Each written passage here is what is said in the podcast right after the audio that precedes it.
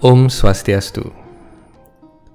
Apabila ada orang yang bertanya berapa jumlah hari raya Hindu, jawabannya mungkin akan cukup mengagetkan Anda. Dari 365 hari dalam setahun, jumlah hari raya Hindu adalah setengahnya, hampir 185 hari dalam setahun. Jadi apabila diratakan, umat Hindu pergi ke tempat suci untuk merayakan hari raya keagamaan setiap dua hari sekali. Tak terasa memang, sebab perayaan hari suci Hindu bukan hanya sekadar selebrasi. Perayaan hari suci Hindu adalah gabungan antara filsafat, sejarah, momen astronomi, tradisi, dan kesenian. Sebagai salah satu pustaka suci tertua dan paling lengkap yang dimiliki oleh umat manusia, Kitab Suci Weda senantiasa memberikan kejutan-kejutan baru setiap kali kita menelusuri pesan-pesan yang tersirat dalam setiap ayatnya. Dalam hal ini, Hindu Times menjadikan dirinya sebagai sarana untuk menyampaikan keluhuran budaya suci Weda yang misterius dan mengemasnya dalam bahasa yang lebih mudah dipahami. Apabila Anda berkenan dengan konten kami, kami mengundang Anda untuk mengklik tombol like, subscribe, dan menyalakan lonceng notifikasi pada bagian bawah video ini. Jika Anda memiliki saran ataupun ide yang menarik untuk dibahas, Anda dapat menulisnya di kolom komentar atau mengirimkannya langsung ke akun Instagram kami di hindutimes.id.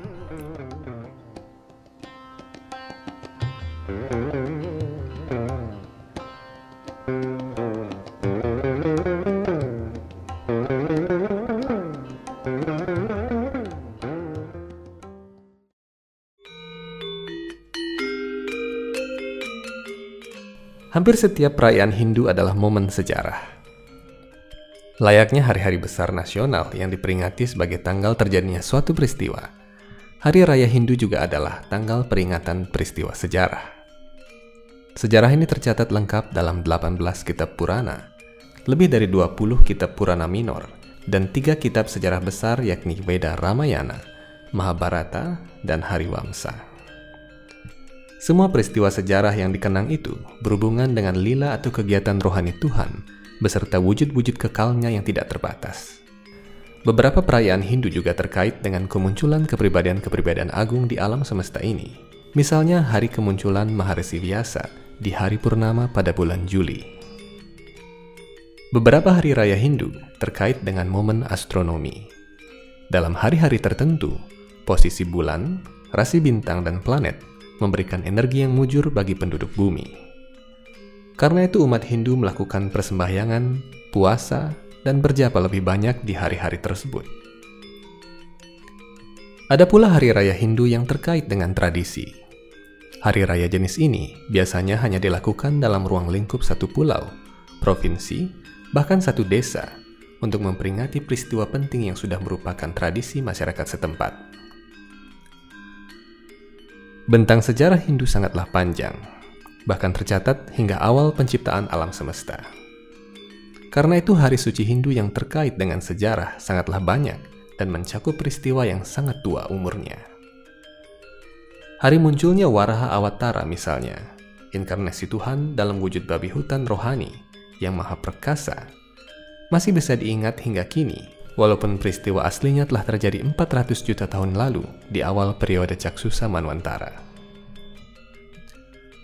Karena satuan waktu Weda menggunakan satuan waktu semesta, maka perayaan yang terkait dengan hari bersejarah tidak hanya dirayakan umat manusia, namun juga oleh para dewa dan para leluhur yang suci.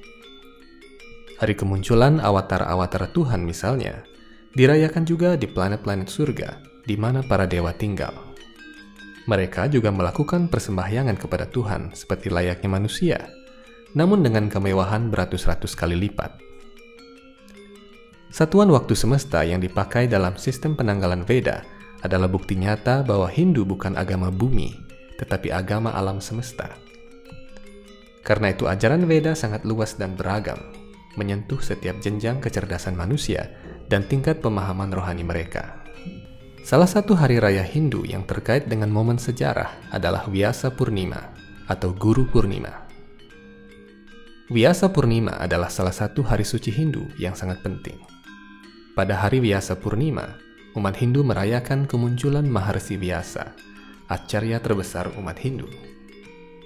Anda dapat menonton video tentang Maharsi Vyasa di kanal YouTube Hindu Times dengan mengklik link yang telah disediakan di pojok kanan atas video ini. Perayaan Vyasa Purnima atau Guru Purnima ini adalah tonggak sejarah yang penting bagi seluruh umat Hindu, sebab Maharsi Vyasa berjasa besar menulis semua sabda kitab suci Veda sehingga dapat dibaca dan dipelajari hingga zaman Kali Yuga. Karena itu Vyasa Purnima atau Guru Purnima adalah saat di mana umat Hindu dari berbagai garis perguruan sampradaya, atau garis aguron-guron bersatu untuk menegakkan sanatana dharma yang kekal. Ada pula hari suci Gita Jayanti dan Moksada Ekadasi. Pada hari yang jatuh di bulan Desember ini, umat Hindu merayakan hari turunnya Sabda Veda Bhagavad Gita yang langsung keluar dari bibir Padma Tuhan Sri Krishna. Pada hari ini juga, umat Hindu melakukan puasa. 5300 tahun yang lalu, pada hari Moksada Ekadasi, Perang Mahabharata dimulai. Barang siapa yang berpuasa pada hari suci Moksada Ekadasi dan mendengar pembacaan 700 ayat suci Veda Bhagavad Gita, dijamin mendapatkan moksa dan dibebaskan dari dosa-dosa dari kehidupannya yang terdahulu. Demikian yang tersurat dalam kitab suci Veda Padma Purana. Banyak lagi hari suci lain seperti perayaan Krishna Janmastami, Ganesha Chaturthi, Siwaratri, Radastami, dan Balarama Puja yang tidak kalah penting dan akan memberikan karunia yang sangat besar bagi mereka yang merayakannya dengan tulus dan sesuai dengan petunjuk kitab suci Veda. Tidak hanya manusia, bahkan para buta kala atau roh-roh halus juga mendapatkan percikan karunia pada hari-hari suci tersebut. Dinyatakan dalam kitab suci Veda Skanda Purana bahwa apabila para buta kala atau hantu cukup beruntung dapat melihat arja Tuhan yang disambut pada saat tengah malam di saat perayaan Janmastami, maka roh-roh tersebut akan dibebaskan dari dosa berat mereka dan mencapai badan manusia yang saleh di kehidupan berikutnya. Jadi merayakan hari-hari suci yang terkait dengan sejarah Hindu dan kemunculan awatara-awatara Tuhan akan memberikan manfaat rohani berupa penebusan dosa, pembebasan, pahala yang sangat besar, dan kesejahteraan dunia. Di samping perayaan yang diambil dari peristiwa bersejarah, umat Hindu juga memiliki perayaan yang dilaksanakan menurut momen astronomi. Pada hari-hari tertentu, saat posisi bulan, planet, dan bintang berada dalam formasi yang mujur, umat Hindu melakukan berbagai jenis perayaan. Saat gerhana matahari dan bulan contohnya, umat Hindu biasanya melakukan pemandian suci. Damodara Puja dan Laksmi Puja dirayakan selama sebulan di bulan Oktober dan November, dari Purnama Kapat hingga Purnama Kalima. Perayaan ini dilakukan sebulan penuh.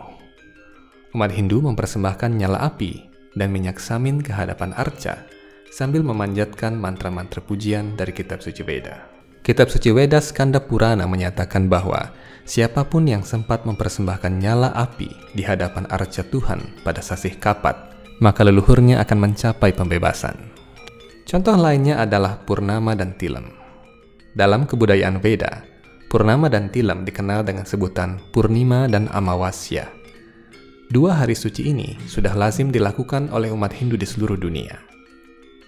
Pada hari ke-11 sebelum hari Purnama ataupun Tilam, ada sebuah hari suci lain yang disebut Ekadasi.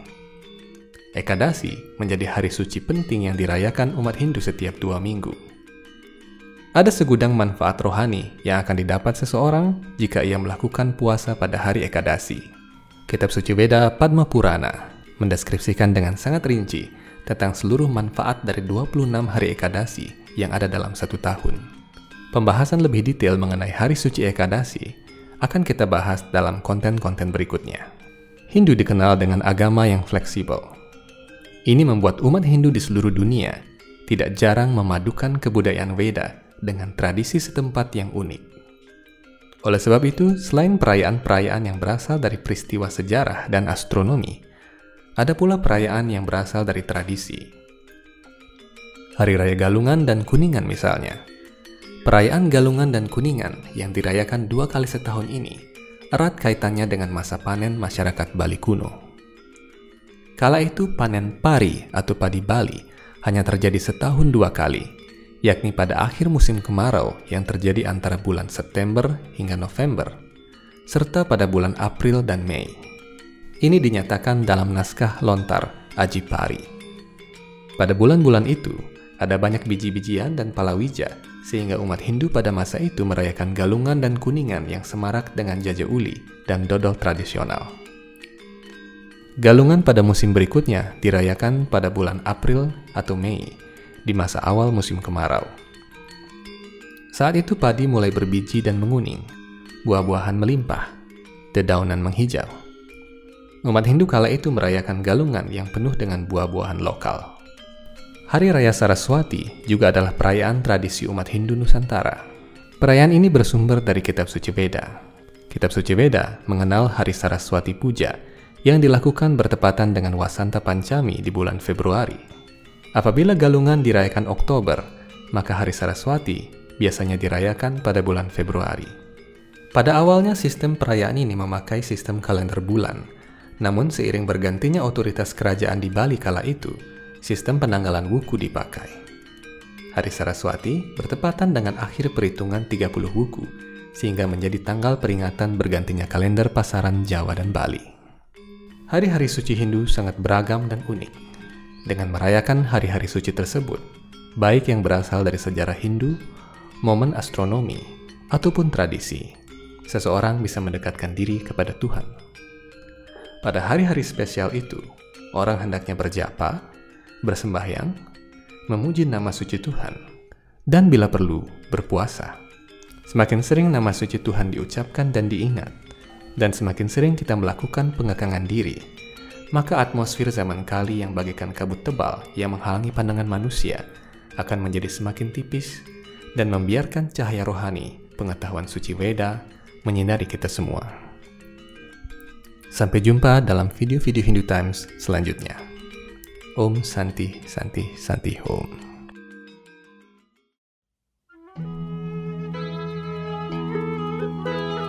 thank Thank you.